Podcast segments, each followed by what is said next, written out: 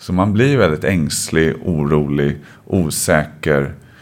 Och det kan vara otroligt provocerande när någon annan bara viftar bort det som ja, ja, men vi kör, det kommer gå bra. Och man säger, vad fan vet du om det? Har du, har du sjungit två timmar någon gång i ditt jävla liv? Ja. Nej, det har du inte.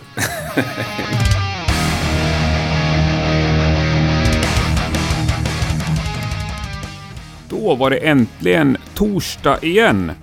Himlans eh, trevligt tycker jag. Något annat som var himlans trevligt, det var all härlig respons på förra veckans avsnitt om Stockholms och Sveriges livescener. Oerhört roligt att se att så många engagerar sig och eh, tusen tack för alla fina hejarop jag har fått för det. Det var också ett eh, väldigt kul avsnitt att göra, så vi får väl se om det blir några mer sådana där seriösa avsnitt i framtiden. Apropå livescener och saker som är himlans trevliga så ska jag snacka lite om den magnifika festivalen Skövde in Rock. Den äger rum, tro det eller ej, i Skövde den 25 och 26 oktober. Line-upen är ju nästan som om jag har valt den helt själv. Vi snackar om Second Sun, Skräcködlan, Among Lynx, Electric Hydra, Knogjärn, Hot Breath, Svarta Natt, Generations Army, Asta Kask och ett av Norges absolut mest spännande band just nu, Spider Guvd, tror jag att det uttalas. Och många, många fler. Dessutom så kommer faktiskt de som vinner Rockpodden-priset eh, nu på tisdag den 1 oktober att spela där. Det är klart sedan länge, men det är bara jag än så länge som vet vilka det är. Har du möjlighet så kom förbi Södra Teatern på tisdag den 1 oktober klockan 19 och kolla när vi delar ut det priset. Om inte annat så kommer du ju komma till Skövde den 25 och 26 oktober och se vinnarna och många andra band spela live. Just nu så finns det också en tävling på Rockpoddens Facebook där du kan vinna två biljetter, eller två personer vinner två biljetter vardera till denna eminenta festival. Gå in där och eh, skriv namnet på den polare du vill ta med dig. Så är du med och deltar. Vinnarna drar vi på måndag den eh, sista september. Stort lycka till! Nu är det väl dags att gå över till dagens avsnitt. Som tur är så behöver inte den här mannen någon längre presentation. Idag har jag den stora äran att träffa Mikael Åkerfeldt från Opet. Du lyssnar på Rockpodden avsnitt 142. Jag heter Henke Branneryd och jag önskar dig en god lyssning. Mikael Åkerfeldt. Mycket Mm. trevligt. En av de mest önskade gästerna i Rockpodden tror Jaså? jag, bland lyssnarna. Och även av mig. Jag har försökt väldigt många gånger. Har du? Ja, men Har det är svårt att få tag på.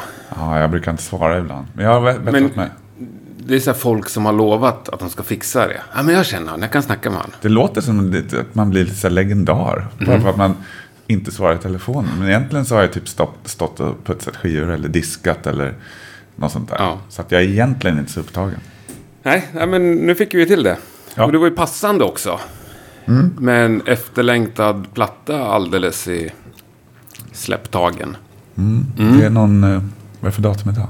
När det här släpps så, Så är det för dagen sent. innan. Okej. Nej, det är imorgon. Är det Imorgon. då. Då är det Nästa- imorgon. Okej. Exakt. Ja, Ja. ja. Eh, Den släpps den 27. Tror jag. Ja. Folk har frågat vad vi ska göra. Ska vi ha en releasefest? ja. Och jag sa, ja, kopp, kopp kaffe hemma. Dags att börja planera det nu kanske. Ja, men vi har aldrig... Jag tror vi aldrig haft en releasefest på 30 år nästan. Men jag har haft flera sådana här skivaktuella nu på slutet. Då har jag frågat, vad gör du då den morgonen? Den 27. Frågade du mig nu? Ja, på vilket sätt eh, skiljer sig den morgonen från alla andra morgnar? Troligtvis ingen, ingen skillnad. Ingen skillnad. Nej, jag brukar glömma bort. Så jaha, var det då den släpptes? I och med att vi, som jag sa, 30 år har vi aldrig haft liksom någon slags hype runt ett skivsläpp. Eller någon fett, vad jag minns i alla fall. Jag tror vi aldrig haft en Inte ens release. första plattan. Nej. Måste jag haft det. Alltså det kanske var, man var hemma hos någon och drack någon bärs liksom. Eller något sånt där. Men jag, Nej, inte någon sån här där vi bjudit in eller spelat. Eller något Inget där. skivbolag som har tvingat Ja. på er det heller? Jo, en gång faktiskt. Nu ljuger jag. Vi var nere på det som då hette Starbar. Jag vet inte om det finns kvar, på Mariatorget. Och då skulle de ha en lyssning. Du vet att folk fick komma Ja. dit och lyssna. Och då skulle vi vara där. Och det var jättepinsamt tyckte jag. Jag tror vi drog kanske någon låt innan. Så visade oss och sen drog vi till näst, Det är ganska nästa rock puben. ändå. Okej, men någonting måste du väl göra den dagen?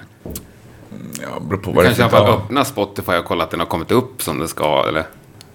Jag kommer inte göra det tror jag. Jag. Om jag kommer ihåg det så kanske jag... Någon kommer påminna mig kanske. Mm. Men eh, jag tror... Jag vet inte vad det, vad det är för veckodag. Fredag. En fredag. Eh, nästa vecka. Jag vet att jag ska besiktiga bilen dagen innan. Det kommer jag komma ihåg. Ja. Då kan du lyssna på Rockpodden när du besiktar bilen. Ja, Ja, lyssna på dig själv. Ja, jo, precis. Men du, det är ju två skivor ni släpper. En på svenska och en på engelska. Det är kanske bara jag som har missat det. Fram till för ett par dagar sedan så insåg jag att det är så. Mm, nej, det, det stämmer. Vadan detta? Ja, så hette en låt faktiskt. Gör den det? Ja, så hette en, en arbets, arbetstitel på en låt. Ja, tänkte. Ja. Hette Vadan detta? Ehm, ja, jag vet inte. Jo, jag vet. Vi, jag ville göra en skiva på svenska. Mest för att vi inte har gjort det förut. Och för att komma igång med skrivandet. Så kläcktes den idén. När jag körde bil. Jag skulle lämna mina ungar på skolan en morgon. Och så skulle jag till studion dagen, eh, direkt efter. Och jobba lite. Och då tänkte jag, "Nej, men ska jag göra det på svenska? Varför inte? Och så vart det. Ja. Och sen någonstans under skrivprocessen så tänkte jag att jag gör en engelsk version också för säkerhets skull. Så initiala tanken var bara, Bara svenska, ja. Men eh, vart, eh, jag vart lite ängslig tror jag. Ja, kanske att, att jag tänkte att folk inte kommer...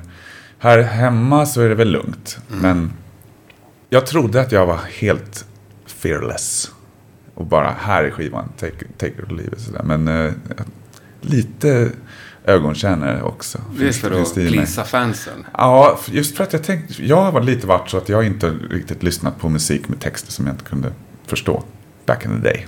Och då tänkte jag att det är väl säkert någon annan som kanske, nej, om det är på om jag inte förstår då skiter jag i den här. Och jag var nöjd med musiken, jag ville att folk skulle höra den. Om den ändå ska släppas så vill jag att så många som möjligt ska höra den. Och det var anledningen, Ja, ja, det låter väl förnuftigt i och för sig. kanske. Sen hade det ju varit stenhårt. Men eh, hur... Mm, Exakt. Ja. Men det är ju halfway there. Halfway there. Men jag kan tänka mig att... Alltså just... Det upplevs så mycket proggare. Ja, det är klart, jag är ju svensk. Men alltså, jag kan tänka mig att en eh, spanjor liksom också känner proggigheten blir ännu grövre när det är på svenska. Ja, så är det väl kanske. Alltså det är många, jag har gjort lite intervjuer för den här skivan. Många journalister som jag pratat med har eh, frågat varför gör ni en engelsk version? Inte varför gör ni en svensk version? Ja, det är ju kul. Och då var jag så här, men oh, jag har gjort fel nu. Så här, var, det, var det för ängsligt av mig? Men sen åkte jag till USA. Ja. Gjorde intervjuer där. Och då var de flesta hade lyssnat på den engelska versionen. Och så här, ja, jag ska lyssna på den svenska versionen snart. Kolla hur det är. Så att då kände jag att okej, det fanns folk som mellan två versioner. Oavsett att det här är bandets urspr- ursprungsland. Så väljer de ändå den engelska versionen. Men det, det skulle ju vara kul om någon svensk låt liksom spöar den engelska låten. Om man nu räknar lyssningar på Spotify eller... Ja, så lär det säkert bli. Jag hoppas, jag gör mitt bästa att, att när jag pratar om skivan att pusha den svenska versionen lite mer. För att det är den originalversionen. För singlarna ni släppte, då, släppte ni bara engelska. Båda. Båda kom. Nu är ju jag Spotify-användare. Där finns ju inte de engelska. Ja, det vet jag inte. Jag har inte kollat på Du Spotify. har inte koll på sånt? Nej, Nej. inte Spotify har jag inte så bra koll på faktiskt. Nu lyssnar jag på Spotify på vägen in. Kate Bush. Um, Snyggt. Ja, men eh, jag, har- jag har inte så koll på vad som släpptes. För jag vet att vi släppte... Det är faktiskt konstigt. Det skulle jag ta upp. kollat, jag inte ljuger. Då- När vi släppte på, på YouTube vet jag att den kom. Båda versionerna. Ja, det är bara Dignity och Heart in Hand. Ja, det var på YouTube jag hittade den också. Ja. Äh, schysst. Heart in Hand måste jag säga, fantastisk låt. Tack. Det är nog... Jag har aldrig lyssnat så mycket på Opet, tror jag. Som den. Det var Ja. kul. Det kanske jag borde be om ursäkt för. Nej, Nej, jag tycker nej, den är eh, svinbra. Ja, den är, den är kul. Och plattan känns väl gedigen också. Jag är väldigt nöjd med den. Du frågade mig i hissen på vägen upp. Första gången vi träffas. Mm. Vad hade du tänkt vi skulle snacka om? Så stod det en massa andra människor i hissen. Ja. vart jag lite nervös. Jag gillar inte att åka hiss. Nej. Men det jag hade velat svara, det var ungefär att det som jag tänkt. Ni känner jag har nått den här positionen som nästan alla band drömmer om. Att ni kan göra vad ni vill. Även om du känner dig tvungen att släppa skivan på engelska också. Mm. Ja, fast det var mitt beslut också. Ja, men ni har ju jobbat det till en enorm fri position. Liksom. Håller du med om det? Ja, fast jag tror att alla band kan göra det. Men det är ängsligheten som sätter stopp för det. Jag menar, de flesta band, är man ett do it yourself band som vi, Ja. som inte eh, blir upptäckta, eller vad man ska säga, och styrda av en producent eller ett management eller något sånt där, så kan ju alla göra precis vad de vill. Men när man har fått, och om jag pratar för metalvärlden, när ett band som började och de skrev den musiken de ville höra, de, den musiken de tyckte var kul att spela. Och fem år in i karriären så är det ju många band som tänker att de ska ombesörja det som de startade. Även om de kanske i hjärtat känt att de gått vidare. Eh, och vill göra någonting annat. Och det är inte så många som, om jag ska säga, vågar. För att de tänker att då kanske karriären är över och sådana där saker. Fansen blir besvikna och det blir de ju. De blir jättebesvikna. Vi har varit med om, vi är med om det hela tiden. ja. Ni har ju delat era fans många gånger. Ja, hela tiden. Ja. Det är liksom så, så som det ser ut för oss. Men då är vi också i den positionen att om vi släpper någonting så är det ju fortfarande på våra villkor. Inte att vi har en katalog med tio plattor som vi vet har funkat bra. Fansen tycker om dem, skivbolaget, de säljer, alla är nöjda. Förutom de kanske i bandet själva som tänker att det hade varit kul att göra någonting annorlunda här. Men det är lika bra att vi Många säger det här är inte, och så vilket bandnamn. Det låter inte som bandnamnet. Ja, ja, men så har du aldrig sagt så om ett band. Jag har sagt så om oss. Ja, Jag sa så- Till och med mig själva. Ja. Ja, vi gjorde en skiva, det är ju länge sedan nu. Still Life hette den. Så var det en låt på den skivan som heter White Cluster. Och jag kommer ihåg att jag tyckte att "Ah, det här låter inte riktigt. Nu har jag skrivit låten, men jag kände att det låter inte riktigt. Och vi kanske inte ska ha med den. Men så hade vi med den ändå. Och det som hände var att inte bara för våra, de som lyssnade på den skivan, utan även för en själv, att man öppnade upp lite för annorlunda idéer. Vilket är det största mots... När liksom gick ni den... När tog ni det största steget? Många skulle säga när vi släppte en skiva som heter Heritage. Ja. Att den, för att den, den, alltså, dels så hade den ingen skriksång. Och det hade ju alla skivor haft fram tills dess förutom en skiva. Eh, och dels så var produktionen mer, den var, den var inte lika klinisk eller vad man ska säga, lika hårdrockshäftig. Som de tidigare skivorna. Det var ju många som reagerade på och tyckte att det var skit helt enkelt. Att vad, vad gör de? Och eh, mycket paralleller till Jethro Tull började komma in. Vilket jag tar, tar som en komplimang. Men de sa det inte, in- inte i, i välmening helt Nej. enkelt. Eh, Så det var många som, som hatade den skivan, eller hatade den utvecklingen. Sen med tiden, det är ju tio år sedan nästan, så har den skivan blivit mer och mer populär. Eh, Men det var, ja, det, då, då var det många som För nu är vi det liksom första plattan av nya Opet. Du hatar säkert folk- om jag uttrycker mig så. Nej, jag, jag, förstår förstår det. Ja. jag förstår. Jag förstår det. Det är ju liksom någonting nytt för mig också. Mm. Även om jag inte tyckte att det var så, så stor skillnad som eh, många fans tyckte. Utifrån. Jag kommer ihåg att vi åkte ut och turnerade för den skivan innan den hade släppts. Vi åkte ut en vecka innan den släpptes i USA. Och vi spelade nästan hela skivan. Och inga skriklåtar. Men gamla låtar också med vanlig sång så att säga. Och då, eh, vi började någonstans i Massachusetts och publiken var så här, de var redo liksom morspit och det sånt där. Och de typ, vad fan gör de? Och en vecka in i turnén sen så var det ju, då buade folk, skrek, lämnade konsertlokalen. Det var så illa alltså? Brå, de, hot, hot eh, utmaningar på scenen. Folk som vi, slåss, när stod, vi stod och spelade. Och, folk kanske väldigt, väldigt upprörda. Men det måste ju... Ni har förstått att det skulle inte kanske bli bråk och hot, men alltså att folk skulle bli förvånade. Ni spelar en platta som inte ens är släppt och som... låter- Ja, inte riktigt, i min naivitet så hade jag tänkt att musik är musik. Bra musik, dålig musik, sådär lite hårdraget. Men vad sa du när du gick av scen liksom efter hot och folk har dragit? Ja, det var ju efter, jag, vi, jag är rätt envis, så att vi Ja. gjorde klart den turnén. Det var inte så att, äh, fan vi får slänga in Nej, nej, vi gjorde där. inte. Vi körde två eller tre turnéer likadant runt om i världen. Och sen så släppte jag lite på den. För att det var flera anledningar till varför vi gjorde, vi gjorde så. Dels så var det så mycket vanlig sång. Jag vill inte liksom slita sönder rösten med skrik och sådana där saker. Jag vill se att allting funkar. Men, eh, och jag höll på någon form av integritet. Någon artistisk integritet. Som jag nu fortfarande tycker att den kommer jag aldrig släppa på när det gäller inspelningar eller när jag skriver musik. Men när vi står på en scen så är det eh, någon form av underhållning. Och det har inte så mycket med min personliga, eller bandets integritet att göra, utan det är underhållning. Och det har jag sen, sen dess sett som ett misstag, att vi gjorde de här konserterna. Men med det sagt så vart vi otroligt tajta i bandet. Vi svetsades samman under den, för det var... Ja, ni fick mycket yttre fiender liksom. Ja, men vi, vi står ju för allting Ja. vi gör. Och vi stod för det beslutet också just då. Det är ju först i efterhand som jag kände att det fanns ju folk som kom dit och ville höra de här gamla låtarna. Och vanligtvis är jag skit i dem. Här nu kör vi vår grej. Men en del av mig vill ju, eller en stor del av mig när jag står på scenen, vill ju att folk ska ha kul. Ja, det är väl... Inte stå och hata. Nej, nej och det var ju lite så det vart. Så att sen dess har vi, så har vi ja, blandat upp det mer med både Nu är det lite mer hitskavalkad Ja. live. Jo, Mm. så, då, så kan man säga. Tänker du att ni har hits? Nej, Nej.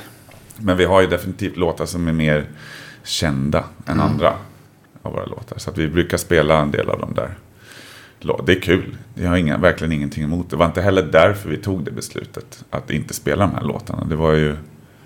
Det var mest för... för eh, vi hade ett... Jag var så otroligt trött på den här eh, kliniska, exakta metal-världen som, som vi också tog del av. Eh, när vi släppte Heritage. Att jag bara, nej jag pallar inte med det där. Och sen som jag sa med sången, att jag ville se att det verkligen funkar för mig att sjunga de här låtarna. Men som sagt, i efterhand så, så känns det att det var inte ett så pass bra beslut som jag kanske tyckte från början. Nej, men en erfarenhet. En erfarenhet och verkligen bra för bandet. Vi har varit otroligt tajta efter det. Och sen dess så är vi inte särskilt rädda för så mycket. Nej, jag förstår det. Ja, det är ju coolt. Men om vi tar den här nya plattan då. Jag kan knappt uttala det. Incauda venenum. Latin och betyder... Eh, gift, ett, om jag säger på engelska. Jag har inte ens sagt det på svenska faktiskt. Eh, the poison is in the tail. In the alltså tail. giftet finns i svansen. Det är en referens till en skorpion. Jaha. Tanken med sägningen är att det är en, en oväntad, oönskad överraskning på slutet av någonting. Vid slutet av någonting. Spännande. Ja, det är det är tre språk vi blandar in helt plötsligt. Ja. Mm. Men när arbetet börjar liksom, någonstans eh, något år tillbaka så var det ju ett helt vitt blad antar jag. ja. För som Heritage där, då kändes det som att du hade en tanke om att nej men nu vill vi byta bana liksom. Ja, inte till en början faktiskt. Hade, så fortsatte vi. Skivan innan Heritage hette Watershed. Och jag skrev kanske en halv skiva som lät lite som Watershed. Och spelade upp det för vår basist Martin Mendes. Och han sa, det här är inte vad vi ska göra. Eller det här är inte vad du vill göra, sa han. Jag sa, nej, hur, hur visste du det? och så jag tog, tog, bara började om i princip. Och så vart det Heritage. Ja, ja, men okej. Men nya plattan, alltså fanns det en tanke eller är du så cool nu för tiden att det bara får komma det som kommer, så att säga? Förstår du? Ja, jag, jag går aldrig tillbaka och kollar vad jag gjorde på förra skivan. Vad, vad blev Nej. leftovers liksom. Det gör jag aldrig. Utan jag börjar alltid med ingenting. Just för att verkligen eh, kanalisera det vart jag är just nu. Men du har heller inte en, en målbild, liksom en punkt att ditåt vill jag. Nej, det, det, det märker man under, under eh, skrivandets gång. Jag är inte på väg någonstans eh, speciellt. Så att jag känner att jag vill ta oss dit, jag vill ta mig dit. Jag har inte så många eh, någon ma masterplan direkt. Utan man, det blir... Jag skriver tills jag känner att det här är tillräckligt spretigt, för jag tycker om spretigt. Mm. Och tillräckligt eh, mycket i mängd för en skiva och lite till. Och om jag känner att jag har första låten, jag har sista låten och jag har mycket gott däremellan. Så eh, är jag klar. Du har ingen begränsning i det här spretigheten? Bara smak. Bara smak? Ja, det är inte så att jag gör en hiphop-låt bara för att liksom ha liksom varit där. Utan det är, jag gillar ju rockmusik Mm. och allting runt omkring rock.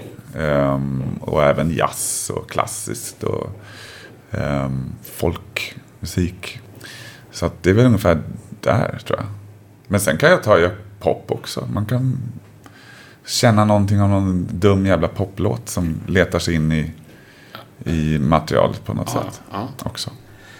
Nej, jag kände med när jag lyssnade igenom den här morse gick och pula hemma att det är så oerhört mycket ingredienser. Det känns som att du... Ja, men den här totala friheten. Bara, här, My- mycket kryddor. Här slänger vi in en sån här. Ja, Ja, näve spiskummin i något helt annat. Ja. Jag tycker det är underbart. Det är sjukt befriande att lyssna på. Nej, men jag är ganska rastlös också när jag skriver. Och det har jag blivit lite bättre på faktiskt, tycker jag. Om jag får säga det själv. Tidigare så var, jag, var det viktigt för mig att en låt var lång. Det var jätteviktigt. Gärna över tio minuter. Mycket partier. Gärna att ingenting återkommer. Och med tiden så har jag väl blivit lite mer, det låter helt sjukt att säga det ordet, men lite mer kommersiellt lagd. Att jag kan gilla när ett tema kommer tillbaks. Ja, Lite mer. Och dessutom så, så lyssnar jag mycket på den här rastlösa sidan i mig. Att om jag känner att ett, ett parti pågår för länge. Det får liksom, jag vill byta gärna precis innan man känner att man tröttnar på någonting. Och um, att det ska vara, kännas lite som ett, ett äventyr. Att du inte riktigt vet vart du är på väg när du lyssnar på, på musiken. Nej, men det tycker jag du lyckas med. Jag hoppas det. Men det är ingen i bandet som bromsar heller. Alltså, det här med antal minuter på en låt och antal partier. Nej. Nej. Nej, jag tror att de flesta tycker nog om eh, i bandet att eh, det är lite okonventionellt sådär. Många, jag menar Martin Mendes har spelat med, vi har spelat tillsammans sedan mitten på 90-talet någon gång. Han är van. Och de som kommit in därefter har ju spelat i många band eller projekt tidigare. Och de flesta, alltså kan, jag kan ju med, med rätt stor säkerhet säga att de har inte spelat något band som låter som oss innan. Nej. Utan är mer vana vid traditionell, traditionella låtstrukturer och så vidare. Sen finns det ju, alltså Kulle, Fredrik, han gillar ju metal. Så han vill ju gärna pusha lite för det. Han, han älskar när jag har skrivit ett liksom, häftigt metal-riff. Då blir han jävligt glad helt enkelt. Och sen till exempel jazz. Det finns en låt som är lite jazzig på nya skivan.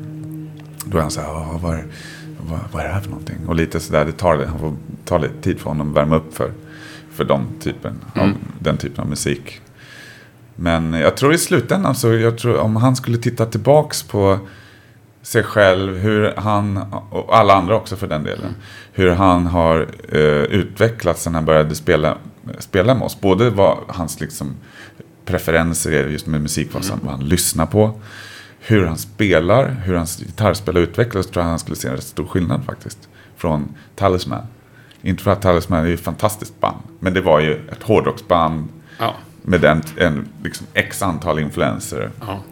till det här. Nu spelar han ju liksom blues och jazz och ja folk han och, allt. Och sådär. grym gitarrist. Verkligen. Men du, live. Det glömde vi här med språket. Mm. Kommer du sjunga på svenska i något annat land än Sverige? Jag tror det.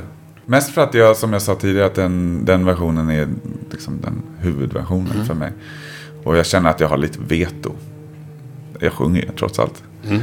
Eh, Så det, och det kan ju också bli lite frustrerande. Jag vet inte hur vår publik, om de vill sjunga med. De får väl lära sig svenska i sådana fall. Men det kan man ju i princip, om jag tränar lite så kan jag välja det på kvällen. Att, Ja, just det. det behöver, ingen annan vara inblandad i det. nej, Nej. egentligen inte. Eller ja, det är mycket körsång och sånt där. Så jag kanske borde säga någonting innan vi Ja. går på scen. Att nu blir det en svensk, äh, engelska Mm. version eller en svenska version. Ehm, men ehm, som jag känner just nu, för vi, vi ska börja repa lite inför en turné om någon månad. Eller en dryg månad. Ehm, så känner jag att jag vill fokusera på den svenska versionen. Coolt. Mest för att den, jag tycker den är bäst. Hur viktig är live-delen av Opet? Eh, ekonomiskt så är den viktig. Väldigt viktig. Det är där vi, vi tjänar pengar. Det är jobbet. Om man ska säga. Men sen...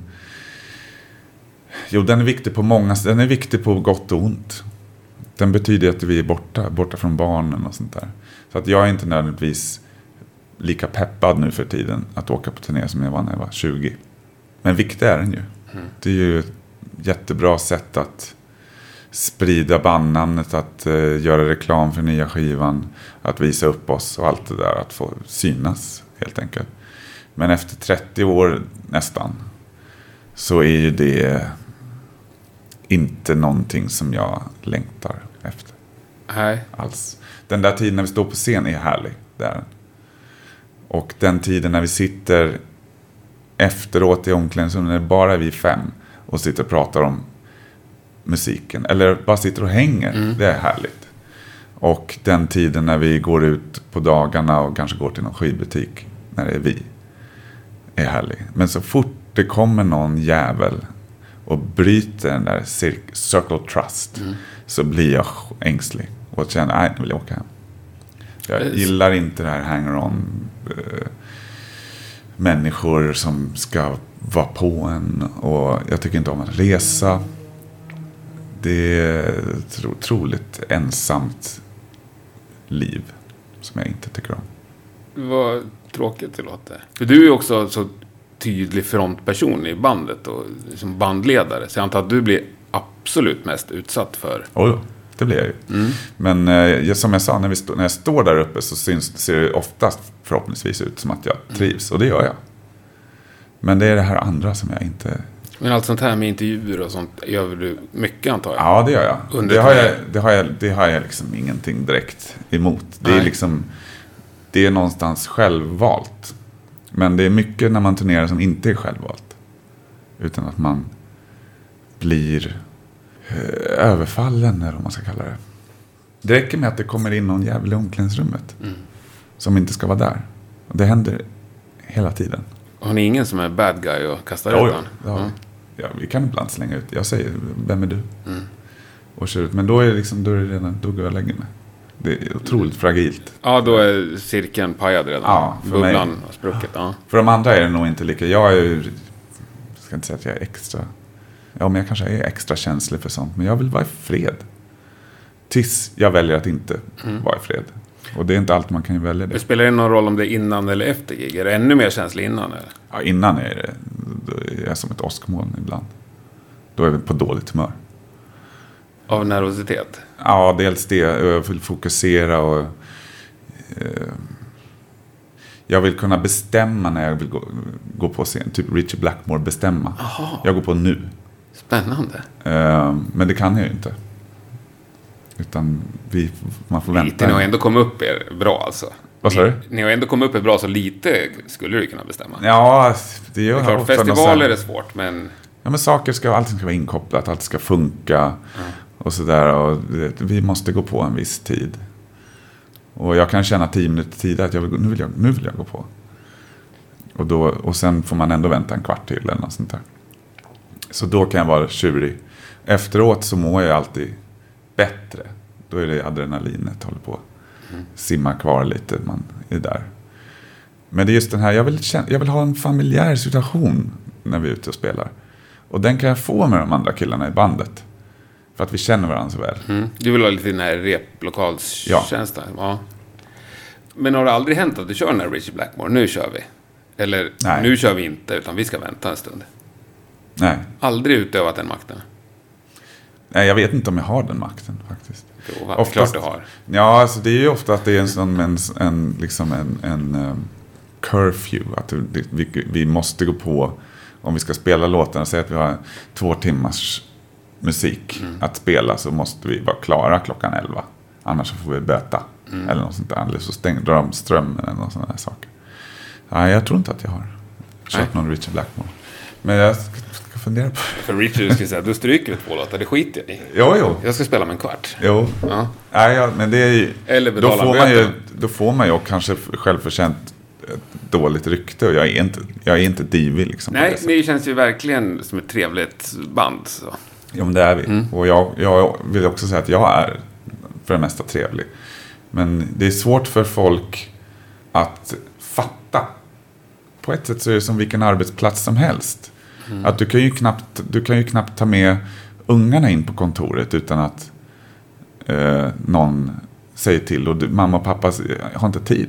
Och den här delen när vi spelat klart och när vi i princip inte jobbar inom citationstecken längre. Så är det fortfarande jobb för mig. En Det är klart. lugna ner sig jobb, eller Ja. vad man ska kalla det.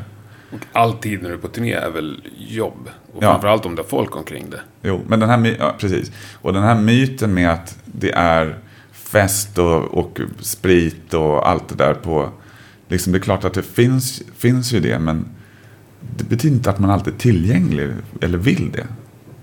Eller, men det, det, fattar, det fattar inte folk. Folk tror att det är bara hallabaloo hela tiden. Och det är det verkligen inte. Men är det så att det där tär på dig en lång turné? Ja, ja. Jo, jo. Är det värre sista veckan så att säga än första? Eller, eller kommer du in i någon slags mode? Eh, Vi har kortat ner turnéerna lite på grund av det att vi, vi, kör slut, vi, kör, vi körde så otroligt långa och många turnéer förut. Och nu har vi kortat ner turnéerna till tre veckor, om inte längre än tre veckor. Så att vi kommer hem till barn och familj. Och vad är minsta pausen ni har då mellan? Ja, vi försöker ha tre veckor paus då, men det kan, är det två veckor så är det väl okej beroende på hur lång nästa turné är. Men det, ehm, det har visat sig väldigt bra för, för oss, vi som har barn särskilt då, att eh, komma hem. Men det var, jätte, det var ju helt annorlunda när jag var yngre. Då kunde jag vara ute hur länge som helst. Det var ingen som väntade på mig hemma. Nej, och det är väl kanske de åren som också gör att ni kan göra som ni gör nu. Ja, jo. Ni har ju lagt en stadig grund. Ja, vi, har, vi har nått någon punkt där vi liksom... Vi, vi, det, det är en sak som jag har bestämt. Och jag har bestämt det för de andra i bandet och för alla andra som jobbar med oss. Till en dels förtret. Att så här är det, så här länge spelar vi. Och det är ingen som har, eh, till och med de som jobbar som, alltså vår eh, crew, de trivs med det också. Att det inte är så långa turnéer. Men Det, är ju, det har varit vissa turnéer när man de sista veckan har gått upp på scen utan att känna någonting. Och det är en hemsk känsla. Att man kan stå två timmar och spela och vara, försöka vara rockstjärna eller vad man ska kalla det. Utan att det infinner sig på två timmar. Det är rätt hemskt faktiskt. Ja, det kan jag tänka mig. När känslan aldrig infinner Ja. sig att det är kul. Ja. Det liksom motverkar hela syftet till varför du ens började spela överhuvudtaget. Mm.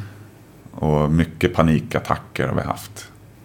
Särskilt jag och Martin Mendes har sådana här bara, nej nu, nu, eh, nu, nu drar jag, vi rymmer. Även på scenen? Nej, inte, inte så att man springer Nej, av scen. nej. Men jag har känt att jag kan liksom inte fejka fram Nej.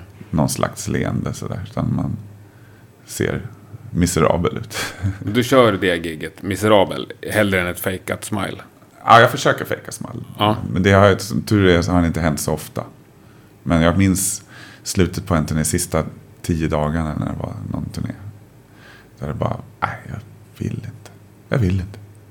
Och, så- sen infinner det sig aldrig den här Nej. känslan. Ja, det måste ju vara sjukt jobbigt. Ja, det är jobbigt. Och när liksom när den känslan får fäste i kroppen så att säga. Ja, det är riktigt kan tänka mig att tråkigt. den är svår att få bort. Man kan sparka igång det som en gammal gräsklippare ibland. Att man liksom hoppar igång det, nästan bokstavligen. Springer runt på scenen för att sätta igång någonting, sätta igång, igång flödet. Liksom.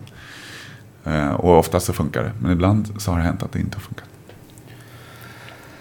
Ja, det är mycket man får lära Det är sig. synd om mig. Nej, men det är intressant att höra någon som Jo. kan se lite problematiskt på saker och ting. Jo, men det är, alltså det, jag, hade, jag hade naturligtvis önskat att det inte var så, men det är ju oundvikligt. Jag tror att det är, det är någonting fel på folk om det är liksom, om man är, eh, har barn hemma efter en viss ålder, att, att man inte känner att jag borde inte vara här någon gång. Då skulle jag bli misstänksam. Ja, men du, apropå live. Dina mellansnack. Mm. Hur är det med dem? De är ju ganska unika. Ja, det sägs. Ja, det sägs så. Är det där dagsform? Hur mycket är planerat innan? Jag har aldrig planerat innan. Fast jag kan ibland upprepa saker som jag sagt. Beroende på om situationen upprepar sig själv. Okej. Ehm, Eller att de var roliga liksom. Eller Ja, jag har liksom inga favorit... Eh, skämt. Alltså egentligen så drar jag inga skämt. Om man skriver ner det som sägs så är det ingenting som är särskilt roligt. Utan det är, det är situationen och eh, inramningen som gör Ja. att det blir lite oväntat och därför blir, tycker en del att det är, är kul. Men det är en, en sak som för mig så känns det, det tillför ett typ av lugn för mig. Mm, När man avdramatiserar. Ja, men det är ju också lite otippat. Tycker Jo, jag. jo, Nu känner inte jag dig, men bara utifrån det du har berättat nu.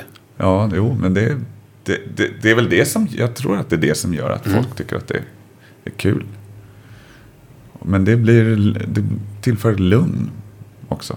Att säga någonting som inte passar in gör mig lugn. Och jag tror att det gör de andra killarna i bandet lugna, lugnare också. För att det är, det kan vara stressigt att gå upp till ljusshow och låtarna ska spelas perfekt. Och vi, har, vi måste upprätthålla en standard och allt sånt där. Att säga liksom någonting som inte passar in i den situationen gör att man, ja just det, vi var ju människor trots allt.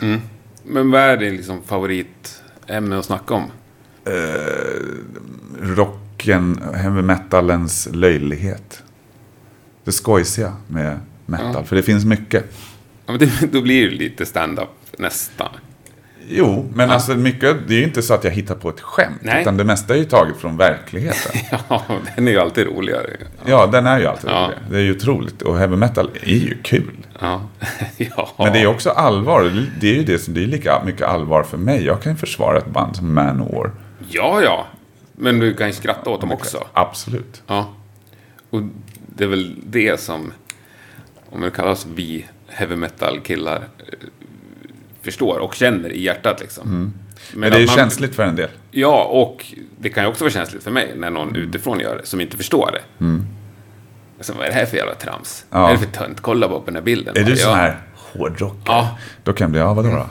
Tycker då blir jag ännu mer hårdrockare. Har du långt hår för att det ska vara tufft eller? Jo, men det har man ju hört massa gånger. Nej, men nu har vi ju passerat vuxenstrecket både du och jag. Vi Jo, har har fortfarande vi. inte klippt oss. Nej, jo, jag har klippt mig några gånger, men inte kort. Nej, du har ju kvar längden. Men du, det här med, du sa, eh, du bestämde ja, det här med turnéerna. Mm. Är du, finns det någon form av demokrati i bandet? Ja, det gör det. Men jag... Ja, jo, det gör det. Kan de andra rösta ner dig? Beror på vad det gäller. Mm. Inte med längd av turnén. För då säger jag, ja visst, men jag drar. Säger Mm. jag i sådana fall. Och det är ju någon form av, vad ska man säga, passiv Ja, aggressivitet eller något sånt där. Men det är... Det är... Det, då måste jag ha en otroligt bra anledning till att om det ska vara någon sån sak. Varför ska jag vara borta från mina barn längre än vad jag själv väljer? ja men Då okej, men jag- den köper vi. Men lite mer mindre detaljer. Ja, alltså jag är bara rätt tuff och hård när det gäller den kreativa delen. Alltså att skriva, när jag skriver musik, då har jag sista ordet. Och jag skriver nästan all musik. Ehm, alla texter. Jag utformar tillsammans med Travis eh, Smith omslagen och hur, hur presenteras den här skivan. Men därefter så blir det väldigt demokratiskt tycker jag. När vi väljer låtar och vad vi ska spela så kan jag naturligtvis säga jag jag sjunger inte den något bra. Så jag brukar oftast attackera mina egna brister om jag säger nej till någonting. Inte, inte för att jag liksom ska visa på styva linan och sätta ner foten och sådana där saker. Utan det är, ofta så, så handlar det om min egen osäkerhet tror jag. Om jag säger nej till någonting. De andra är liksom i en annan position. Det, det, är, det är en speciell, det här LSD som folk snackar om, lead singer syndrome. Det, är- det är ju sant. Att man, men man blir också extra utsatt. Och du står oftast i mitten på scenen. Det är du som sköter snacket. Det är rösten, den här muskeln. Den funkar inte likadant varje kväll.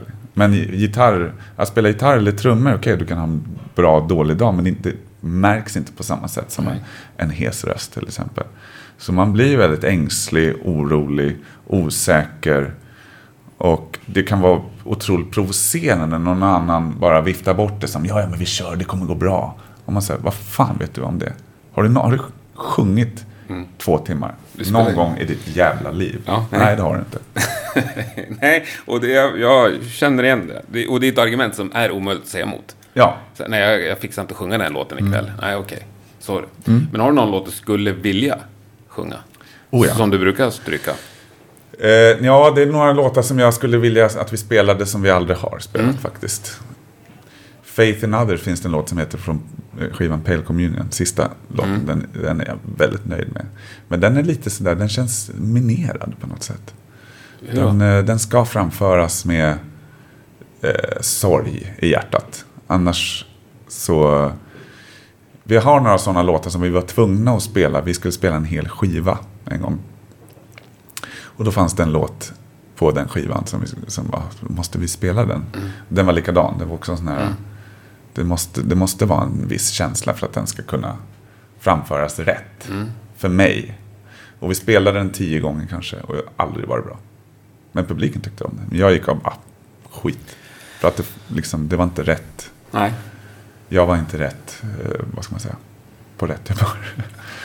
Nej, men det, ja, det är väl schysst. Det är väl återigen det där med din integritet och ditt... Alltså att du tar det på allvar. Ja, ja, det gör jag absolut. Det, det gör jag. Men det, är- det är tråkigt på ett sätt. För att man vill ju, jag älskar en del låtar. Men jag känner jag vågar inte framföra den där. För att jag kommer inte vara nöjd. Det kommer kanske bli dåligt. Och det har aldrig hänt att jag har gett mig på en av de där låtarna som jag håller själv lite eh, högt. Av mina egna låtar. Att jag har, ja men vi kör den då. Och sen gått av och bara, det gick bra. Alltid varit, nej, aldrig mer. Roligt ändå, för det är dina låtar så att säga. Ja. Jo. Ja, spännande som fan. Om jag ser på er karriär så är det nog så här snett uppåt, långsamt, långsamt eh, öka. I 30 år snart va? Ja, snart 30 år. Ja, då blir det fest för övrigt. Då får du bjuda till faktiskt. Ja, Ja. Alltså fest, det betyder ju oftast jobb. I vårt, vårt fall. Mm. Så att det är inte fe- fest, sitta och dricka bärs, visst. Ja, Var på något ställe där jag får gratis öl, ja, Ja. visst. Lugnt. Men ska jag upp och spela? Nej, då är det ingen fest längre. du, du hyr ju in ett band som får spela på Coverband. Ja. Finns det rop på ett coverband? Det måste det ju. Ja, det gör det. Finns det någon som är bra? Mm, Ja, det vet jag inte. Jag har aldrig sett något. Men jag... Du har hört dem? Jag har träffat folk youtubat dem? Eh, något har jag sett på YouTube. Faktiskt gjorde en sån där, det var inte riktigt band. Det var folk som sjöng in i kameran. Sådär, sjöng någon låt. Eller spelade någon Ja. låt. Sådär. Och jag har träffat några medlemmar från band som har sagt att vi har coverband i Turkiet eller i... Och sådär, jaha, kul. Jag tänkte precis, vad svarar man på det? Jaha. Nej, ja det känns... Eh, det, det är rätt stort faktiskt ändå. Sjukt stort ju. Ja, att folk liksom spenderar tid på att lära sig mina jävla Ja. Men jag kan tänka mig att det är vanligt förekommande på så här musikskolor runt om i världen också. Det har, också, har jag också hört. Ja. Att det har varit lärare som har tagit upp någon låt och ska bryta ner den låten och säga det här och det här ackordet spelas. Och det passar bra ihop med nästa ackord som är Mhm. ett sånt här, sånt här ackord. Nej, men spännande. Du liksom startar en hel industri med... Ja, jag ska inte säga industri, men det, Nej, det har men hänt. En liten eh, following. Det var inte alls det jag skulle prata om. Ja. Eh, Det var ju... Men, men det där med andra band eller musik, musiklärare och sånt där. Ja. Det, kan jag tycka, det kan jag tycka är kul. När, för jag kan ju ingen musikteori. Så att jag vet ju inte vad jag gör. Är det sant? Jag kan tycka, eh, jag känner mig lite så här, hmm, lite stolt när någon säger att det här är sus-ackordet eller något sånt där. Eh, Men hur- hur lite det? måste du kunna. Inte i termer kan jag inte. Nej, men du vet ju vad strängarna heter på en gitarr. Det vet jag. Ja. Och jag vet, jag får ibland pausa lite, den, den tonen eh, är ett A. Mm. Så, men jag kan- inte mycket. Jag tror jag skulle bli chockad faktiskt. Många tror ju att jag kan ja, det är allt. lite så att jag tror att du bara säger sådär för att vara Ja, cool. jo, jo, men ja. du, får- du får testa mig så ska du, ska du se. och, så, och då får du, får du läsa av huruvida jag är otroligt bra lögnare eller Ja. inte. Men jag är värdelös på teori. Men inte svårt att snacka då? Inom bandet? Jo, det kan bli svårt. Mm. Jag brukar säga till Jocke, vår keyboardist, och Kulle. Mm. De är rätt duktiga, så då kan jag säga, vad, vad heter vi? Vilken, kan inte du sjunga, vilken ton är det här? Och så säger han, ja, den. Ta sånt där ledset ackord. Ja. Jo, det var det här med sakta uppåt. Vad har varit som svårast för att ändå bibehålla farten, eller man säger, eller utvecklingen? Medlemsbyten är ju alltid svårt. Det är alltid jobbigt. Ja, det har ni gjort en bunt. Ja, många. Många under åren. Och många innan vi ens spelade in någon skiva också. Och sen att hitta tillbaks... Eh, att spela gamla låtar med nya medlemmar är också... Det är kanske lite mer spännande att se. Det har, det har vi, vi har aldrig haft några problem. Det har aldrig haft, vi har aldrig haft ett, ett medlemsbyte som jag har känt att det, det har varit sämre. Inget? Nej, nej, aldrig. Nej, vad kul. Ja, men det... Jag tror att jag är rätt duktig också på de bytena när vi, när vi har bytt folk. Och så träffar man någon. Dels så vill man, först vill jag gå in i det här sociala. Vad är det? Är det en idiot? Är det en psykopat? Eh, vill jag känna först. Kan vi dricka bärs tillsammans? Eh, och om det funkar så går vi vidare till nästa, vilket är influenser. Vad lyssnar på? Det är ett litet förhör då om musik. Dricka, ja, gärna Ja. på en pub. Ja. Eh, Ax, vår trummis, han eh, kom ju med genom... Han, han, jag frågade vem, vem, vem, är- vem är världens bästa rocktrummis? Och då sa han Ian Pace. Och då sa då är du med. Mycket bra svar. Då är du med. Ja.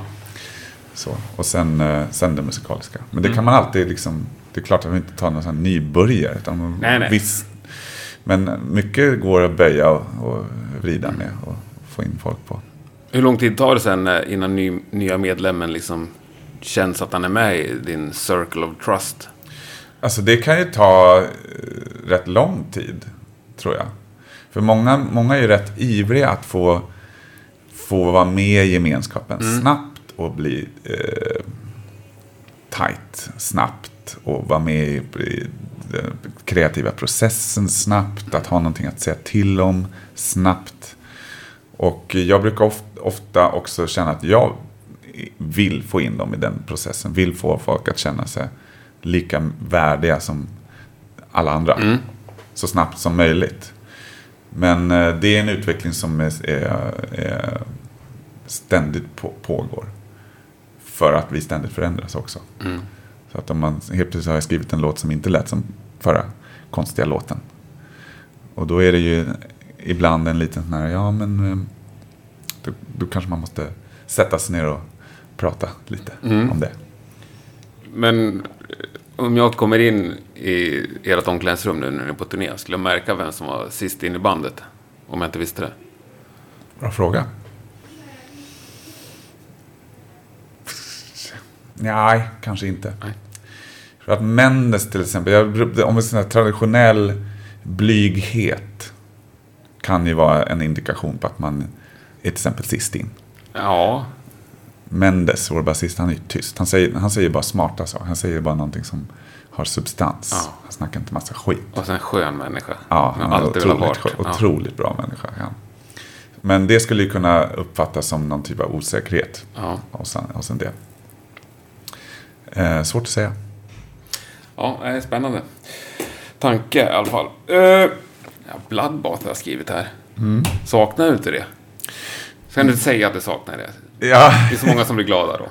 ja alltså jag sak... Jo, jag, jag älskar Bloodbath. Mm. Och jag tyckte de skivorna som... Eh, ett, fortfarande, jag tycker de är ett skitbra band. Mm. Och de skivorna som jag var med på tycker jag mycket om. Och sen är Jonas min bästa kompis. Alltså han som spelar bas. Renske. Renkse. Renkse. En, en vanlig miss, felsägning av hans Ja, säkert. Eh, men han... Eh, för det var jättekul att spela. När vi, vi gjorde några spelningar. Och det var kul. För det var ju så ledigt för mig. Otroligt ledigt. Och jag var inte... Jag bestämde ingenting. Jag var i mitten och sjöng. Eller skrek eller vad man ska kalla det. Men eh, det är klackspark för mig. Det var lite hobbyband liksom. Ja, för mig var det det. Och det var ju det som gjorde att jag inte är kvar längre. Att det inte var ett hobbyband eller ett skoj, skojsigt. Det är väl säkert det för dem. De har ju sina så att säga riktiga band vid sidan av. Men Bloodbath har ju blivit också en eh, orkester som spelar... Ja, det är ett Mycket. stort band. Ja, Ja. och det hade inte jag, eller det har jag inte tid med. Eller, jag, jag, jag vill inte helt enkelt spendera för mycket tid med eh, någonting som startade som ett skämt. Eller vad man ska kalla det. Ja, det var ju lite det i Jag, jag början. fattar. Ja. Folk, upp, folk vet inte om hur det började, men det, först fanns det ett band, bandnamn. Bloodbath. Det fanns långt innan det fanns musik. Och som det, någon slags eh, ölskämt eller? Ja, det var Jonas och Anders som hade det ja. bandnamnet. Och Svan, Dan Svane som var med i början, han eh, hade snappat upp det och det var en fest i Örebro. En 40-årsfest, någon som fyllde för, Vi kände inte ens den personen. Och han sa, kan inte ni komma ner och följa med på fester så spelar vi in Bloodbath? Och vi sa, ja visst. Okej, okay. vi hade ingenting bättre för oss. Så åkte ner, gick på festen eh, och dagen efter spelade vi in tre låtar. Vi skrev och spelade in bara. Mm. Och det var den första mini, det som var mini. Mm. Breeding Death. Och det är, om du läser de texterna, det är alltså, det är riktigt skämt. Ja. Och vi sålde ju de, de låtarna till Century Media för 10 000 styck. Alltså 10 000 per medlem. Det är bra. Och vi tänkte, oh shit, de ville ha det. Ja. Och jag fick 10 000, Jonas fick 10 000, alla fick 10 000 kronor från Century Media. Och så ägde vi inte låtarna längre. Och jag kommer ihåg att Jonas lånade mina 10 000 direkt. Och som jag aldrig fick tillbaks tror jag. Jag vet inte om han betalade tillbaka jag minns inte riktigt. Så att jag, ja. Aha. Det säger en del hur, mm. hur, hur vi såg det projektet. Men sen var det ju populärt. Och jag var inne och ute i det där bandet lite. Beroende på om de, att de inte hittade någon sångare oftast. Och ringde mig och sa, kan inte du sjunga på det där? Och så började folk snacka om he rejoined. Du vet, som han sa, ja, ja okej, okay, så var det väl kanske. Det är skönt att Jag var med för att jag tyckte om låtarna ja. helt enkelt. Och det var kul att hänga med, med mina kompisar. Men nu får du aldrig frågan igen. Nu är Nick med. Ja, men någon jag, gång är han borta också. Om han är borta, jag skulle inte bli förvånad om de skulle, om de skulle ringa. Mm. Och jag skulle faktiskt jag kan inte heller säga att jag skulle säga nej i sådana fall. Med det sagt så hoppas jag att det inte blir så. För att Nick är världens härligaste snubbe. Ja. Skitbra. Legend, legendar, skitbra dödssångare. Mm. Han passar in som fan där. Eh, men om han skulle hoppa av och de skulle fråga mig. Ja, eller han kan vara bara strängt upptagen. Jo, ja det beror på hur, på hur det ser ut. Nästa år, de har faktiskt frågat både mig och Teggan. Uh -huh. eh, om någon Wackenspel, något sånt där. Vi skulle vara alla tre som har Ja, det är klart. Det som halloween liksom. Jag sa nej då, kommer jag ihåg. För att eh, det kändes lite så här, nej vad fan. Det är jävla Sellout. ja, ja, jag vet inte vad jag ska Ja, men sista ordet är inte sagt i alla fall. Nej, nej, nej, nej men det, då, det skulle, jag, behandla, jag kommer alltid behandla det bandet och jag kommer alltid säga samma. Det jag gjorde för att jag tyckte musiken var ascool och det lät som riktigt den dödsen som jag tycker om. Mm. Lät, alltså Bloodbath är den typ av death metal som jag tycker om. Eh, och det var kul att hänga med kompisar och det var chosefritt och det var lugnt och, och sådär. Mm. Så att jag, jag skulle inte beblanda mig med det projektet igen på ett seriöst sätt. Ja, Eller behandla det som ett, liksom, Nej, kar karriär. Jag fattar. Ja, som jag sa i inledningen så delar vi ut Rockpodden-priset på Södra Teatern den 1 oktober. Hjärtligt välkommen dit! Rockpodden har ju en kväll i månaden på Södra Teatern på baren där som kallas Groggen. Senaste gången vi var där så hade jag inte mindre än fem gäster på scenen som jag intervjuade inför publik. Det var mycket, mycket trevligt. Ja, massor, massor, men... Ja, men ge oss något då. Du är ju bland vänner nu ju. Ja, det är så svårt att, alltså, att såga någonting då som man... Nej, men det är inte att såga, bara säga att det borde varit en mindre refräng. Nej, men By the Grace of God-låten är för mycket komprimerad. Helicopters? Ja. ja. Men det är en av deras mest populära låtar och det är ingen som klagar. Nej, men det är ändå ditt fel så att säga. Ja, ja, ja. jag tycker den skulle ha varit lite lättare komprimerad. Vet du om det är fler som tycker så här? Nu kanske, det, det här var nog ett jävla misstag. Det kommer alla bara säga. Ja, när han säger det så. Just det där var ju demonproducenten Chips Kirsby. Utöver honom så intervjuade jag Sofia Bergström från Aftonbladet, Linus Johansson ifrån Sound Pollution, Gernicka Mancini ifrån Thundermother och Magnus Henriksson ifrån Eclipse. Alla de här intervjuerna ligger nu uppe på Rockpoddens Patreon-sida. Där du som stödjer Rockpodden med eh, 2 dollar i månaden eller mer kan gå in och lyssna. Enormt stort tack till dig som gör det och eh, om du inte gör det men vill så snurra in på patreon.com rockpodden så löser du det där på ett par minuter, jag lovar. Nu tillbaka till Åkerfält. Eh, vi kommer lite mitt in i en diskussion här och det är för att jag har klippt bort några namn på grund av integritetsskäl. Men ni kommer ganska snart förstå vad det handlar om.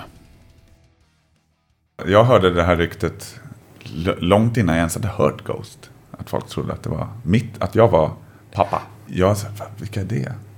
Och sen ja, du hörde rykten om att ni var Ghost innan du hade hört Ghost? Ja. ja. jag träffade Stjärnvind, kommer ihåg? Peter Stjärnvind. Ja. Och han hade en Ghost-tröja på, det här var länge sedan. Ja. Han bara, har du hört Ghost? Jag sa, nej. Så, nej, okej. Okay. Låter som Merciful Fate. Blue Oyster Cult. Jag sa, ja, coolt. Och sen åkte vi ut och så gjorde vi en turné med dem, med Ghost. Mm. Och äh, lärde känna Tobbe. Och då, äh, ja, sa jag, det är, inte, det är mitt band. Har jag hört. Mm. Han sa, ja. Han hade också hört det? jo. jag, är med, jag är med på en Ghost-skiva, det är jag. Är det sant? Mm. Jag spelar bara lite akustgitarr på den, den senaste skivan. Men det får du cred för på skivan så att säga? Det vet jag inte. Ingen aning. Jag kanske är en sån här nameless ghoul. Kanske. Jag vet inte riktigt. Nej, jag vet inte om någon. Jag har aldrig hållit ett Ghost-omslag tror jag. Jag vet inte om, Nej, jag, någon, jag vet inte om någon får cred för något. Jag har, jag har, några, jag har nog, jag har alla skivor tror jag. Ja. Men jag har inte riktigt lusläst och sett om jag fick credit. Ja, spännande. Ja, men nu var det inte Ghost vi skulle snacka om. Men du var du mest stolt över? Efter 30 år som heltidsmusiker hela tiden, eller? Det Just det tror jag.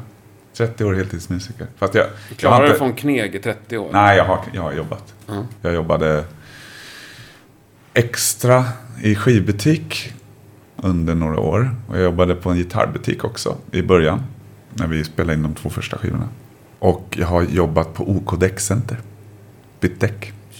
Det kan jag göra. Det är jag. jag jobbade, det var inte så himla Det är lite Anvil. Det är lite Anvil, ja. Uh. Där, jag tror att det var Jonas faktiskt, Renkse som, och Anders. Eh, de vart erbjudna det jobbet. De sa, nej, jag vill inte jobba med däck. Men de frågade mig. Och jag sa, ja visst, jag kan, jag kan byta däck. Så det jobbade jag så här, säsong, ja, bytte. Men det är jag nöjd med, för nu kan jag byta däck själv. Gör du det också då? Oh ja. Det är sant det? Ja, ja. ja. Det, det kan jag. Men, eh, ja, men kan och att man gör är inte samma sak.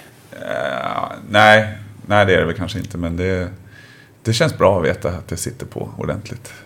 Ja, ja det är skitbra. Apropå jobba i gitarraffär. Vad är roligast att prata om? Gitarrer eller skivor när du jobbar skivaffär? Skivor. Du är liksom mer musikintresserad än musiker? Absolut. Ja. Alltså du hade nog, om vi pratar vinyl, gamla originalpressningar. Då eh, skulle du säga, fan vad du lös upp nu. Ja. Ja, men jag har hört talas om det. Jag är inte, det är inte min starka sida som är gamla vinylpressar. Nej, det är din, din förlust. Ja, så därför vill jag inte gå in på det ämnet. Nej. Det blir inget roligt. Nej, gitarrer går bra det också. Ja. Men du är mer intresserad av skivor och gamla vinyl? Alltså, jag gillar gamla gitarrer. Jag gillar gitarrer. Mm. Det gör jag. Och jag har massa gitarrer. Men, eh, Hur många? Eh, jag vet inte. Jag brukar inte räkna dem. Ja. Samma med skivorna. Eh, säg att jag kanske har en 50. Ja. Kanske. Ja, det är en skaplig bunt ändå det är en bunt. Ja. En del gitarrer så här, just det, den här har jag också. Det är rätt långt ifrån, jag kommer ihåg när jag köpte min första Fender Stratocaster. Åkte ut till typ Barkarby, köpte en begagnad Strata. Och det var liksom, det var, jag sov med den gitarren. Den låg liksom i säng. Det var allt. Att ha den här, den såg ut som Richard Blackmores Strata han har på första Rainbow-skivan. Mm. Och vecklar ut den så här träfärgad med stora huvudet. Och den var så otroligt viktig för mig, den gitarren. Och nu kan det vara så att man går in och säger, just det, jag hade den här också. Men du har den kvar? Den har jag kvar. Ja. Sådana får man aldrig sälja. Nej, det, jag har faktiskt köpt flera sådana likadana. Bra. Du, om du har sån koll på musik, har du några svenska band du tycker är underskattade? Eller som du skulle vilja se? Måste det vara nya band då? Nej. Ja, det finns ju massor. Massor med band som Eh, svenska rockscen, du vet folk börjar snacka om hårdrockscenen eller ro- rockscenen. Så nämns ju Yngwie Malmsteen, man nämner Europe, eh, At the Gates, Entombed och det här. Och med all rätt, de viktiga. Men det fanns, finns eh, band som 30-åriga kriget. Man måste, man måste ha koll på 30-åriga kriget. Måste... Man måste ha Ja. koll på dem. Ehm, ett fantastiskt band från Saltsjöbaden däromkring som släppte sin första skiva, lika, lika gammal som mig, 74 kom den. Som en lite mer progressiv men fortfarande tung och rätt vild eh, variant, lite Uriah Heep-aktigt. Stenhårt. 30-åriga kriget. 30-åriga kriget, första plattan och andra skivan som heter Krigssång. Och de håller fortfarande på. Är det sant? Ja, de splittrades ett tag men sen kom de tillbaks och spelade in några till plattor. De är fantastiska. De har jag lyssnat väldigt mycket på. Och en rolig liten sidstory där. Sångaren i 30-årskriget, Robert Sima. Han satt barnvakt till Jonas Renks Du när ser, Jonas var liten. allting går ihop. Ja, så när han eh, var, sjöng kastratsång i 30-årskriget så satt han även barnvakt till Jonas Renks i Katatonia Bloodbath. Ja. Ehm, de är fantastiska. Sen finns det ett band från Stockholm eh, som heter, hette Life. Eh, från, de släppte en skiva 1970. De bor nu, två cheferna bor på Gotland nu. Jag brukar åka och hälsa på den ena av dem på somrarna för vi brukar semestra på Gotland. Ja. Eh, en stundtals en hårdrocksskiva. Rätt tung och lite ostämd med fantastisk Life. sång. Ja, den är omöjlig att hitta. Men det finns på CD. Fantastiskt. Och jag tror faktiskt Dåligt att- bandnamn. Alltså. Ja, jo, det, fanns, det finns några band som heter Life, men de, en fantastisk skiva som man ska kolla upp. Ja. Sen har du ju band som November som man Ja. ska kolla upp. Om man inte har, det är svensk- Sveriges Cream, kan man säga. Den tung bluesrock. Ja, där är jag faktiskt med. Mm. Men ja. Men det, är en, en, Asoka, självbetitlad platta från 71. men det är bara progg här vi snackar om. Nej, det är alltså rätt hårt stundtals. Asoka har alltså den vilda, jag ska inte säga punk. Men uh, skränigt kan det vara. Det måste, man, det måste man också ha koll på. Måste man? Måste ha koll på Asoka. Underbart. Ja, men det är då... Sen har, förlåt, jag måste säga de här banden som, som eh, är mycket, väldigt viktiga för oss. Och det är den svenska neoproggen som eh, bildade, tre band som bildades runt eh, ett instrument, mellotron. Anekdoten, Änglagård och Landberg. Och Landberg, som sen vart, eller vad ska man säga, eh, kärnan av Landberg bildade ett band som heter Patos senare. ja, Ja, Reine Fiske, en av Sveriges bästa gitarrister. och Hux på trummor. Ja, precis. Han spelade Patos. Petronella sjunger. Det stämmer. Och de finns inte längre. De spelade, jag såg dem i våras. Ja, men jag träffade Petronella och sa att det var off. Fast det var i och för sig kanske två år sedan, tre år sedan. Ja. Okej, så de var De spelade på Gävle skivmässa i maj. kul. Jo. Under namnet Patos. Ja, Kul. Det är häftigt. Jättebra band. jättehäftigt. Där får vi räcka, nu har vi nog med tips. Ja, Sjukt trevligt att träffa dig. ja samma. Lycka till med plattan och eh, hoppas att du kan hålla dig i välmående skick på samtliga Det kan turnéer. jag. Det kan jag. Ja, det bra. är, räddningen är ju faktiskt, nu när vi pratar om skivor, det är ju en av mina anledningar till att jag säger ah, det är okej. Det är för att jag kan gå runt. Jag får, jag får eh, lite frisk luft. Jag går, går till skivbutiker. När, vilken stad jag än är, kollar upp vart är närmaste skivbutik. Så promenar jag dit och köper lite skivor. Perfekt terapi. Ja, det är det. Stort tack. Tack. Ja, tack Mikael och eh, tack till dig som har lyssnat. Jag hade en mycket trevlig stund. Hoppas du också hade det. Glöm inte bort att gå in på Rockpoddens Facebook-sida och tävla i Skövde in Rock-tävlingen. Om du inte vinner så tycker jag att du köper ett par biljetter. Det är en helt magisk line-up i år. Och eh, på tal om nedlagda livescener och tidningar så är det ju så illa att vi måste stödja det som finns nu. Annars kanske vi inte har det kvar. Och då blir det mycket tråkigare för alla inblandade. Eh, hur var det Åkerfeldts sista visdomsord var här? Det måste man, det måste man också ha koll på. Måste man. Måste ha koll på Azok. Ja, det är ju bara att lyda. Vi avslutar såklart med Asoka, låten Tvivlaren ifrån den nämnda självbetitlade plattan. Vi hörs nästa torsdag. Tack och hej!